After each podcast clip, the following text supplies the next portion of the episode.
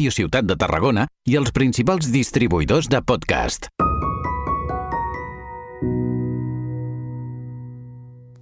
Hola, hola, benvinguts i benvingudes un capítol més al Piscolabis del Cultius Cultural. En el capítol anterior parlàvem de cinema i en el d'avui parlarem de Paradiso. Però escolta, Gavino, quin paradís? Expliquem-ho bé perquè si no ningú entendrà res del que estem dient. Bueno, bueno, primer perquè Cinema Paradiso és la pel·li preferida de la Maria, que ja ho va dir en l'anterior capítol.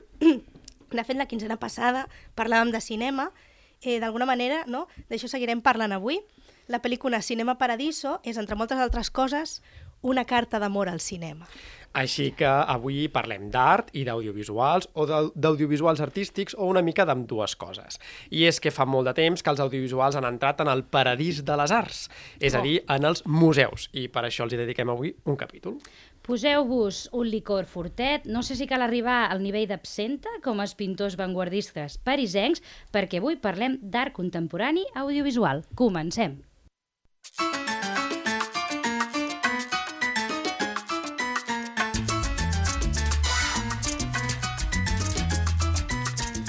El Piscolabis del Cultius, el podcast que et deixarà amb ganes de més.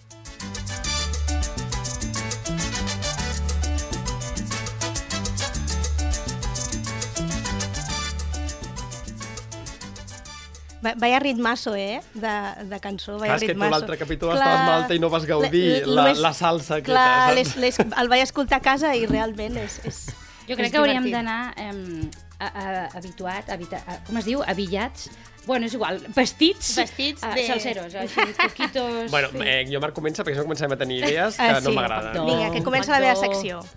Aviam...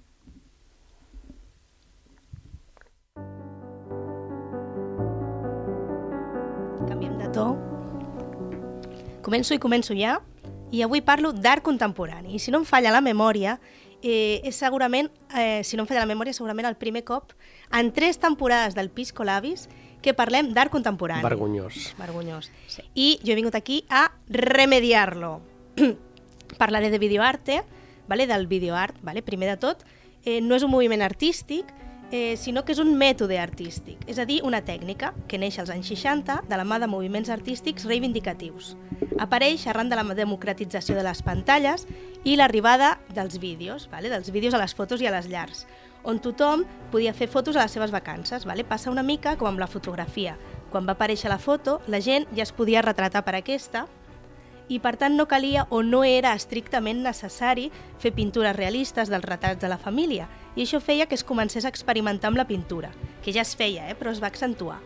I en quant a la foto, eh, també seria un punt eh, d'experimentació, no? la llum, l'exposició, no? em venen al cap, al cap sobretot les fotografies surrealistes de Man Ray, per exemple, dels anys 20-30, i amb això passaria igual, no? la creació del vídeo i l'arribada d'aquest a tothom accentuaria l'experimentació i crearia un llenguatge artístic nou, vale? posant en el centre la metàfora, els discursos múltiples, vale? que vol dir que un element pot voler dir diverses coses, i la poesia visual, entre d'altres. Molt bé, us, eh, interessant, eh? Molt. Us Està... Entreu, entreu amb mi? Molt, estan venint eh, flaixos de la carrera. Molt bé, molt bé, has vist? Que bé. tots hem vist videoart, eh, encara que no vulgueu, tots ho hem vist.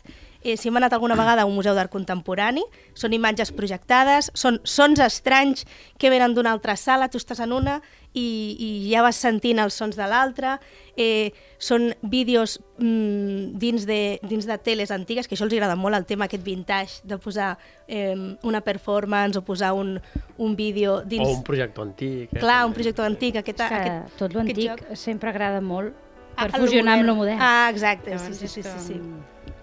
Molt bé, però anem a pams, anem a veure què i com és el videoart.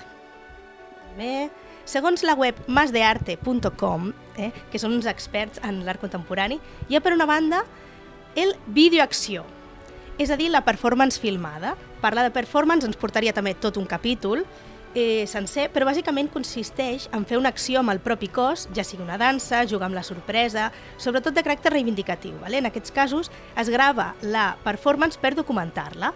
Per exemple, eh, tots coneixereu, o molta gent coneixereu, la sèrbia Marina Abramovic, treballa els límits de la percepció, la relació amb l'espectador, l'emoció, l'angoixa, l'energia que es crea cara a cara amb l'artista, que per cert, eh, jo la vaig poder veure a Londres quan vaig anar el 2016. En viu i en directo. En i en directo, Guai. perquè feia una performance que, eh, en la qual eh, tu anaves a una sala, et donaven uns rols, havies de fer com, com un seguit d'activitats. El rol que em va tocar a mi va ser estar asseguda Ai, quin terra. rol més Quin rol guai. més guai. M'encanta. Bueno, bueno. mateix. I jo anava a, amb, el, amb el Ricard, no? que tots coneixem, company i amic del Cultius, I Cofundador. fundador. cofundador del Cultius, molt bé, exacte, eh, i, i a ell li va tocar la, el rol d'anar caminant per la sala i se la va trobar perquè la Marina Abramovic anava apareixent, no sabies quan apareixeria, però podia aparèixer a la sala.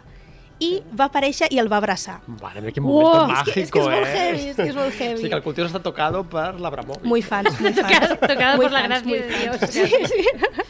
sí, sí. Eh, un altre tipus, segon tipus de videoart, és el vídeo experimental, que ja és un vídeo que ja es fa amb concepció de vídeo, no és la filmació d'una performance o d'alguna cosa, sinó que és una cosa que ja té la idea de que és un vídeo que després es reproduirà en un museu o on sigui, vale? i normalment és de crítica social i política. De fet, ara que has comentat això, i lligant-ho amb el tema de la- de eh, recordo quan vam visitar el Museu d'Art Contemporani de Zagreb, ara mm. deu fer més de 10 anys, Sí, ja estem sí. que no estigui la Rosa avui, eh, on la totalitat de les obres eren d'artistes dels Balcans, amb un missatge, per cert, molt potent, pel simple fet eh, de que fossin dels Balcans, perquè ja sabem el que vol dir això, eh, encara ha, malauradament. Eh, és evident que esperàvem trobar molt Abramovic, eh, però a banda vam trobar autèntiques descobertes, i de fet una d'elles la podeu trobar al nostre blog, cultiusculturals.cat, aquí faig falca, sota el títol de East Side Story o la contraofensiva a l'homofòbia, on expliquem la instal·lació d'Igor Gubrick, en la qual s'alternen imatges de manifestacions a favor dels drets LGTBI a Zagreb i a Belgrat. Eh, en ambdós casos, manifestants increpants, actuacions policials i d'alguna manera aquella proposta audiovisual impactava, però alhora simplificava la dualitat balcànica entre identitat i drets, entre nacionalisme i europeisme, i per tant entraria fins eh, dins no, d'aquesta videoacció de la que ara ens parlaves. Exacte, Gavi. No, eh, és, és sobretot no, tot molt, molt polític, molt d'experimentació i també hi ha alguns de caràcter poètic, no? per exemple, eh, el Bill Viola, eh, en aquest, bueno, també haig de dir que mm, tota aquesta gent podríem haver posat vídeos i podríem haver posat fotos, però com al final era carregar el capítol de vídeos i fotos i tal, després pues, amb la calma podeu anar buscant cadascú en su casa, perquè tot això està a YouTube i de tot, i nosaltres també per les xarxes socials ja us anirem posant a, els vídeos i, i les cosetes, perquè per exemple en aquest cas de Bill Viola, eh, ell fa grans projeccions amb escenes místiques, no? temes com el naixement i la mort, mesclant filosofies orientals com el zen amb la religiositat occidental.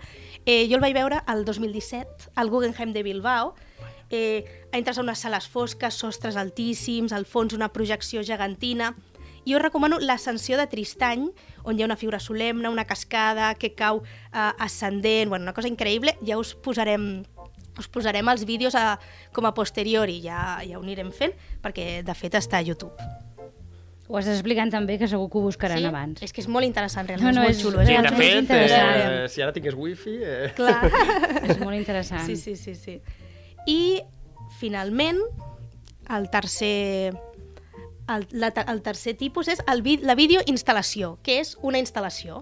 A mi això em sona com que necessitaria com un capítol sencer per explicar-ho, no? Ja, Perquè ja, no? sembla com que és el que més envergadura pot tenir, no? Per la paraula instal·lació, sí, no? sí, sí, però, però ho, ho, ho, ho fem una miqueta rapidet, no? Una instal·lació és una obra que té diversos elements i que el concepte o la història s'explica a través dels elements que estan instal·lats en una sala, ¿vale? Mhm. El vídeo seria una d'aquestes parts de la instal·lació.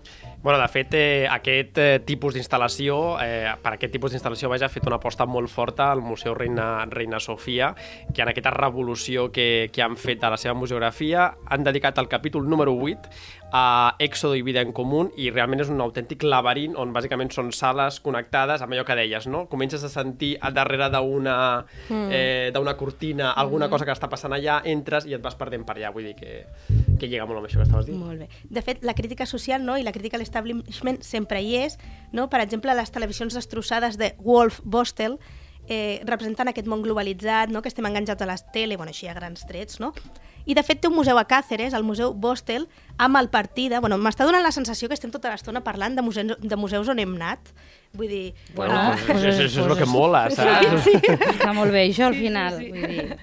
I no res, al final eh, no hem deixat de parlar d'obres dels anys 70 o 80, però ha anat avançant bastant l'art i actualment ja no tindria sentit parlar de videoart pròpiament, ja que les obres que es fan avui dia són interdisciplinars i ho pleguen tot. Sempre hi ha excepcions, no? la pintura és pintura i tal, però en general hi ha un mix de tècniques i de processos. I diré un últim exemple, que també és molt interessant i també ho heu de buscar, que es diu Liberté raisonnée, en francès Llibertat raonada, de Cristina Lucas, del, dos, del 2009, en el que fa una reinterpretació de la llibertat i en el poble en un vídeo en el que mostra què passa després del moment del quadre, el quadre de, de, de la Croix. Mm. De, Que el- bo, eh, aquest concepte. de la llibertat guiant al poble, no aquella dona amb, amb un, un pit al pit descobert, descobert. que representa la lluita, la revolta al poble francès, no? Què passa eh, després de tenir una dona semidespullada en un camp ple d'homes exaltats per la revolta, no? Res bo. Res bo, exacte, spoiler. Res bo, malauradament. Aquest vídeo està a Vimeo i també us el compartirem per les xarxes i us l'ensenyarem.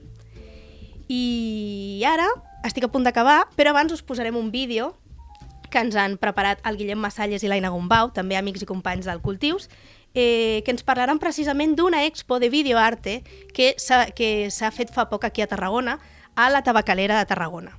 I a veure si el podem veure el nostre estimat tècnic Lluís. Ui. Hola a tothom, som la Aina i el Guillem i el cap de setmana passat vam anar a veure una exposició de videoarte a la Tabacalera, a l'Espai Mèdul, que es deia Dimonis. Era, era una exposició que ens ensenyava... Entràvem en una casa, una casa misteriosa. Jo ho vaig fer com a vídeos, jo no ho vaig pillar que era una casa, m'ho va dir ell. I es veia així com espais i cadascun d'aquests quadradets era que si la cuina, que si el dormitori, estava molt guai, amb una tele... Llavors anaven passant com coses, no? Cada espai hi havia com un, un, un poltergeist, per així dir-ho, no? Hi havia com una representació així com espiritual, no? Com uns... Ja, el, que, el que a mi em va agradar era que la part central com uns llits, que eren com uns somiers, i llavors hi havia com cadenes que es Que movien. anaven movent i anaven fent com el soroll aquell I- típic de, dels fantasmes. Exacte. A mi em va agradar molt un espai que era com una super mega pantalla i hi havia imatges de gent parlant i la gent que parlava, o sigui, la veu no es corresponia amb la imatge. Hi havia la cara del senyor Boada i se sentia parlar una veu de noia. Llavors, clar, jo no em vaig enterar del que deien. Tu sí, jo estava més pendent de mirar quina de les boques parlava i relacionar-la amb la veu que no... Què, què, què, què van dir? Bueno, parlaven una mica de, de la cosa aquesta com, com del... Com de, que consisteix com la possessió demoníaca, saps? Perquè diu que la, la persona posseïda és com un mitjà a través del qual el dimoni es, es, es, es representa en el món. És veritat, això era el subtítol. El Exacte. subtítol parlava de Satanàs. I, I la persona, o el sacerdot que està allà fent exorcisme és el que està interpretant. Saps? Vull dir, era com... Llavors jugava una mica també amb aquesta cosa de les, de les imatges que parlen però que no estan parlant. Una parra, molt guai. una parra. Va estar guai. Abans de, dir, ai, abans de dir res, els podem fitxar per fer una secció que cada, sí. cada setmana els enviem a algun lloc i llavors que ens ho expliquin, saps? Podem ser el, el, el literaris. piscolabi reporter. Reporter, sí. Sí, em sembla bé. Que interessant, no? Vull dir, Sí, I sí, que sí. guai que la tabacalera um, es Comenci a fer fer coses, no? coses Sí, així sí, per sí. fi després de molt de temps. Sí, això s'ha fet eh, a partir del Mèdul, de, el Centre d'Art Contemporani de Tarragona, i també doncs, esperem més coses, no? perquè ara quan surti el capítol ja s'haurà acabat, eh, ja s'haurà acabat l'exposició, però estem pendents de més coses. I ja veieu, no? Eh, l'experimentació, la sorpresa, el joc, el, no? moltes vegades entres i no saps ben bé què te trobaràs, la por, no? a vegades és com, ai, darrere aquesta cortina que hi haurà, és una mica que- aquest... I després el, joc. el poder-ho comentar, no? I veure que has entès Sí, coses diferents sí, i, i que ah, totes exacte. les interpretacions al final acaben sent bones. I, que, Exacte. I que juguen molt amb, amb el tema emocions, no? Que Exacte. jugar amb el tema emocions avui en dia és un requisit, no? És un cebo, que Sí, diríem. sí, sí, Important. Molt bé, i fins aquí la meva secció. Fins aquí la meva L'has secció. l'has pogut fer tranquil·la avui? Sí, sí, Estàs sí, contenta sí. avui? Estic molt contenta, perquè Vale, últimament jo anava bastant escopetejada i estic tranquil·la. Amb aquesta música de Pues chill. donem pas a la Rosa, no? Som-hi. Molt bé. Endavant, Rosa. Encetem un nou episodi del podcast del Piscolabis parlant d'audiovisuals. I com esmentàveu, els audiovisuals són cada cop més presents en els museus i realment s'ha de reconèixer que si són fidedignes a la realitat, a mi m'ajuden molt per entendre el context històric de l'obra que es vol presentar o eh, el context de l'obra en si. Avui us vull portar un exemple d'audiovisuals aplicats en un museu i és el, el Museu del Pergamon de Berlín. Alguns de, de vosaltres segur que ja heu estat per això no vull tocar tant el que és el tema del museu en si, sinó la part adjacent, concretament l'anomenat panorama. El museu Pergamon agafa el nom de la ciutat de Pergamon, actualment anomenada Bèrgama i situada a la costa oest de Turquia, molt a prop de, de la ciutat d'Izmir. Els primers assentaments humans de Pergamon daten del segle VI abans de Crist, però no va ser fins durant l'època hel·lenística que la, la ciutat es va convertir en un, en un autèntic centre cosmopolita. Sense entrar en massa detalls, el museu agafa el nom d'aquesta ciutat, antiga, ja que compta amb restes arqueològiques originals d'aquesta, quan els alemanys hi van arribar a principis del segle XIX, o a finals del XIX, principis del XX, doncs van començar a agafar obres, eh, bueno, restes arqueològiques de, del, del jaciment, com ja ens eh, sona familiar, eh, i equivalent al que van fer una mica els britànics. Llavors, per això, doncs, aquest museu agafa aquest nom, sobretot perquè una de les peces més importants és l'altar o part de l'altar de Pergamon, amb els seus frescos. Um... Amb el temps, Pergamon va acabar sent eh, també una ciutat romana, pel que part dels, eh, a part dels típics edificis que podem tenir de, de la Grècia antiga, doncs també tenim edificis com un coliseu, un circ romà i un amfiteatre, entre d'altres. El Museu de Pèrgamon compta, a més, amb, no només amb restes arqueològiques d'aquesta ciutat, sinó també amb la porta d'Ixtar, una de les vuit portes d'accés a la ciutat de Babilònia, ni més ni menys, la porta original del Mercat de Milet i la façana del Muixata, que era un castell del desert eh, Jordans, del segle VIII. I a part d'això, doncs, la segona planta de, del museu és, eh, està dedicada únicament i exclusivament a art islàmic. Realment eh, és molt interessant de veure totes les peces que tenen allà. Actualment l'altar no es pot veure, està en renovació des de fa quasi 10 anys, però s'espera que, que aviat es pugui obrir al públic novament. Llavors, això també ens porta um, al fet de que l'altar estigui tancat, sent una de les, de, la peça més important, diguéssim, doncs eh, des de fa, fa uns anys que es va començar a generar un projecte per tal de poder ensenyar als espectadors com és l'altar, malgrat que no el puguin veure en realitat.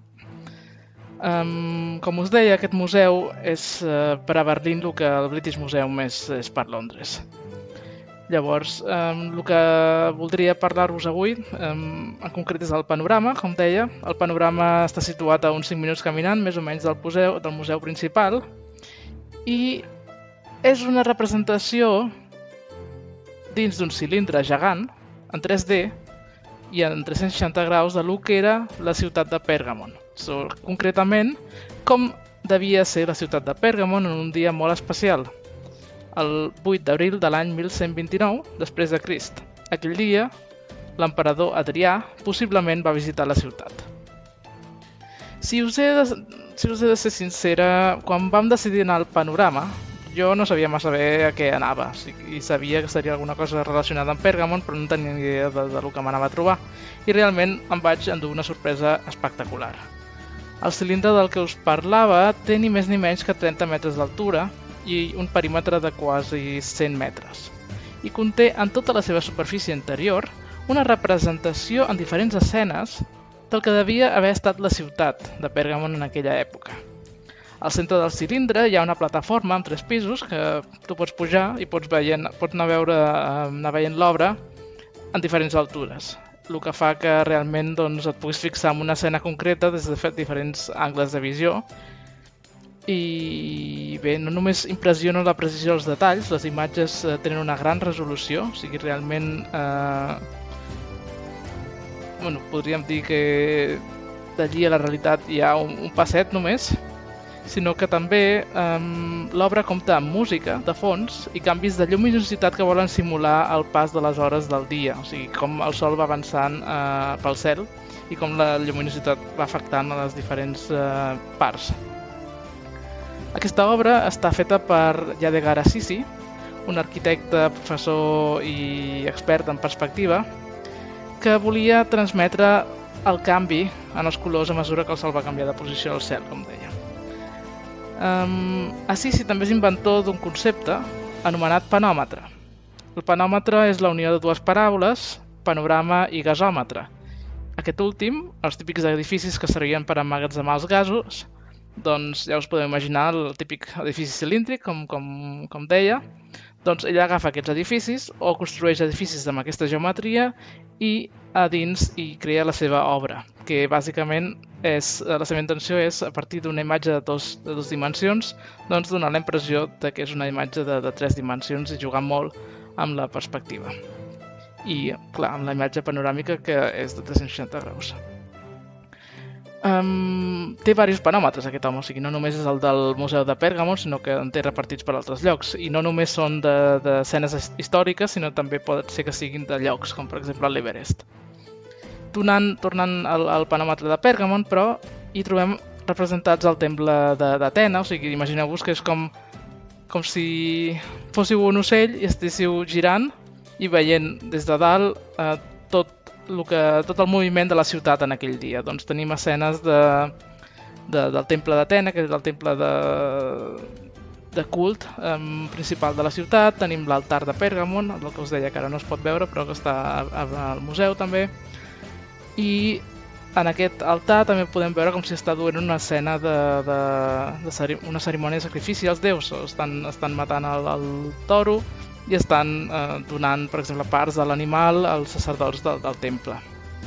Podem veure gent asseguda a l'amfiteatre, que s'han portat les seves catifes de casa, el que em va impressionar també, bueno, impressionar no, però em va sobtar, no? perquè mai no, no s'havia ocorregut eh, pensar que la gent es portava l'estora de casa per, per seure per allà, però bueno, és, té molt de sentit, no? I eh, esperant l'arribada de l'emperador. També podem veure un taller d'escultures gregues i fins i tot una escena representant el comerç d'esclaus, que també um, Assisi va um, voler també transmetre, com si diguéssim, aquestes parts no tan agradables de, de la ciutat en la seva obra. És difícil realment no quedar empadalit, amb el grau de detallisme, com deia, ja que cada cop que es remira una escena doncs descobreixes nous detalls i nous elements que no havies, no, no havies vist la, la primera vegada. I si no n'hi ha prou, quan estàs a la planta baixa, aixecar el cap i veure 30 metres eh, a dalt d'imatges i de, de, de parts de la ciutat, de persones eh, amb les seves activitats, doncs a mesura que vas pujant per aquesta plataforma, com deia, doncs també pots, com si diguéssim, canviar el teu angle de visió i veus molt més eh, com què, què està passant, no? com es relacionen les persones en les diferents escenes. Um, amb aquest panòmetre, l'espectador realment es fusiona amb l'obra i passa a ser un ciutadà més de Pergamon amb una vista privilegiada, òbviament.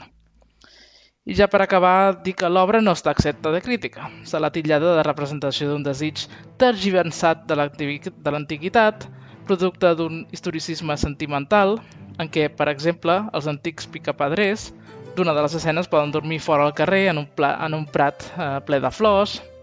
També s'ha criticat la banda sonora, que conté cants d'ocells lletrucs de gossos, el, quan el que es representa que és la matinada, i veus masculines rients, o sigui, una escena, o sigui, realment una, un ambient molt bucòlic, no? I diuen que formen part d'un espectacle que pretén ser una reconstrucció científica. Un altre crític també descriu el panorama com un entreteniment històric, al més alt nivell l'alta tecnologia. Aquí doncs, tenim aquesta crítica de fer servir la tecnologia per fer creure l'espectador o, o representar un, un moment històric um, amb molt de detall, molta tecnologia, però si fins a quin punt doncs, representa realment el que, el que va ser. En qualsevol cas, l'obra des d'un punt de vista únicament artística és de gran qualitat, es miri de l'altura que sigui. En cap moment es té una sensació de desproporcionalitat de les figures i la resta d'elements arquitectònics. Es percep tot el treball de simulació en ordinador que hi ha al darrere i el gran coneixement dels principis de la perspectiva. L'ús d'imatges de dues dimensions per crear objectes de tres dimensions. Així que, ja ho sabeu, si visiteu Berlín, no us perdeu el panorama, ni que sigui per criticar-lo després. I fins aquí la meva secció d'avui. Pues haurem d'anar a criticar-lo, eh? Sí. Bueno, qui- quin panorama, Ja, eh? eh. Eh, Bueno, bueno, eh. quin joc de paraules. Bueno, moltes gràcies a la Rosa per fer aquesta secció Sí. tan interessant. I diria que podem aportar alguna cosa més. Sí, d'això. no? Perquè això al final no és, és l'evolució dels audiovisuals, que ja no és només part artística, que també és part artística, sinó és com eh, l'audiovisual també eh, per contextualitzar el passat, no per ajudar-nos a veure coses... Eh, moltes vegades també ha, anat evolucionant cap, a, cap al mainstream, eh, però d'una manera positiva, en el sentit de que eh, al final això apropa l'art a les persones. Vale? Per exemple, eh, per exemple, amb, amb aquestes exposicions immersives, tipus Van Gogh, eh, que hi ha últimament, no? que tu entres a unes sales i hi ha un munt d'imatges de Van Gogh, que són molt criticades pels experts en història de l'art perquè potser no hi ha investigació darrere, no hi ha res de nou, mm, no hi ha un discurs mm, molt elaborat darrere, però al final el que et fa és eh, gent que potser no hagués anat a aquell museu i van i coneixen més l'obra de Van Gogh. És, O, sí, jo, relacionat sí, amb això que dius de, dels crítics d'art, a mi m'agrada com destacar que a l'art, o qualsevol tema que abans havia estat molt eh, eh, rellevat únicament a erudits, s'ha d'obrir. ah, exacte. Sí, s'ha d'obrir a tothom. Per tant, vull dir que no sigui tan um, purista, però que pugui arribar més gent, jo penso que és algo positiu. Clar, pot haver diverses capes. Pots fer una Ah. exposició eh, amb, amb molta informació, amb coses noves, amb experimentació i amb, amb, amb molt de coneixement, com si diguéssim, i després també pots fer una cosa més distesa, més com per jugar, per fer-te les fotos per a l'Instagram, però que també fa que la gent conegui obres de, de Van Gogh o de el que sigui. I una altra cosa que també ha fet molt el, el, el videoart en aquest sentit són els famosos mappings, Mm. que ja fa uns anys que estan de moda, no? eh, que són les, eh, aquelles imatges projectades en edificis o projectades en paret, que, eh, per exemple, el de la Casa Batlló, amb el dragonet de la taulada, que també són, fan jocs i coses així, i està molt bé. De fet, jo el 2017 vaig anar a la Vall de Boi i vaig visitar Sant Climent de Taüll Ah, i clar, hi ha el, sí, sí. el famós eh, mapping de... Sí. Ja que no poden tenir original. Exacte, Clar, exacte. original, no? I és molt xulo perquè eh, allí està pràcticament tot molt difuminat, no es veu, i amb aquest mapping t'ajuda a entendre el, el que era la composició Exacte. iconogràfica que hi havia, i al final, no sé, és molt positiu i està molt ben fet, realment. Sí, sí, sí. Bueno, i jo crec que fins aquí el, el capítol d'avui. Sí, sí, molt bé. Esperem... Eh, bueno, recordeu no, que el capítol d'avui també podreu veure a la YouTube si ens deixa, si ens deixa el senyor YouTube. Esperem que sí. amb, Esperem amb que aquesta sí. salseta ens deixa. M'imagino el senyor YouTube així, amb un traig, en plan, coi, censurat. Sí, sí. Bueno, eh, això el, el podrem veure i serà segurament el, el proper diumenge. a les 12. I bé, agraïm a Ràdio Ciutat de Tarragona aquest espai que ens ha cedit i en especial al Lluís, el tècnic de so, que ha dirigit la producció I d'avui. està constipat. Està constipat, Ai, bueno, estem tots, estem Estem tots tots fatal, una mica eh? encostipadets. Nosaltres... Ai, perdona. Ah, no, digues, digues. Nosaltres som l'equip Mare, el Gavino, la Rosa i la Maria, som l'equip del Cultius Culturals. Ens podeu seguir a Twitter, Instagram, Facebook i el nostre blog, cultiusculturals.cat. Fins la Fins propera. la propera. Adéu. Adéu.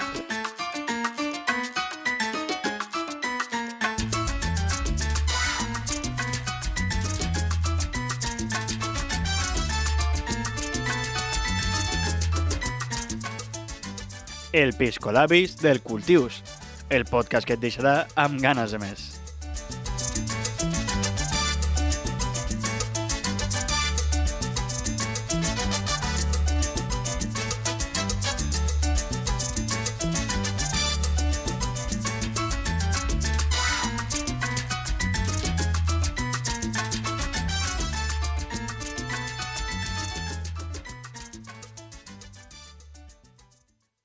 Has escoltat un capítol de Podcast City, la plataforma de podcast de Ràdio Ciutat disponible al web rctgn.cat, a l'APP de Ràdio Ciutat de Tarragona i els principals distribuïdors de podcast.